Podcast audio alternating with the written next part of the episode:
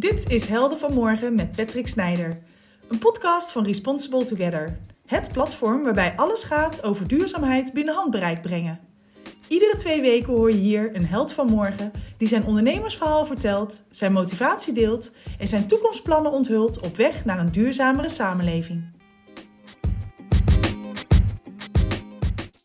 Mark Zuurbeer, die van oude treinrails schitterende nieuwe pannen maakt. Damir Perkic, die single-use waterflessen een halt toeroept door middel van een innovatieve drinkfles gemaakt van planten. Rogier Heining, die van petflesdoppen unieke skateboards maakt. Of Tiemen Terhoeven, die van oude frames weer gloednieuwe e-bikes fabriceert in Hartje Amsterdam. En vele anderen.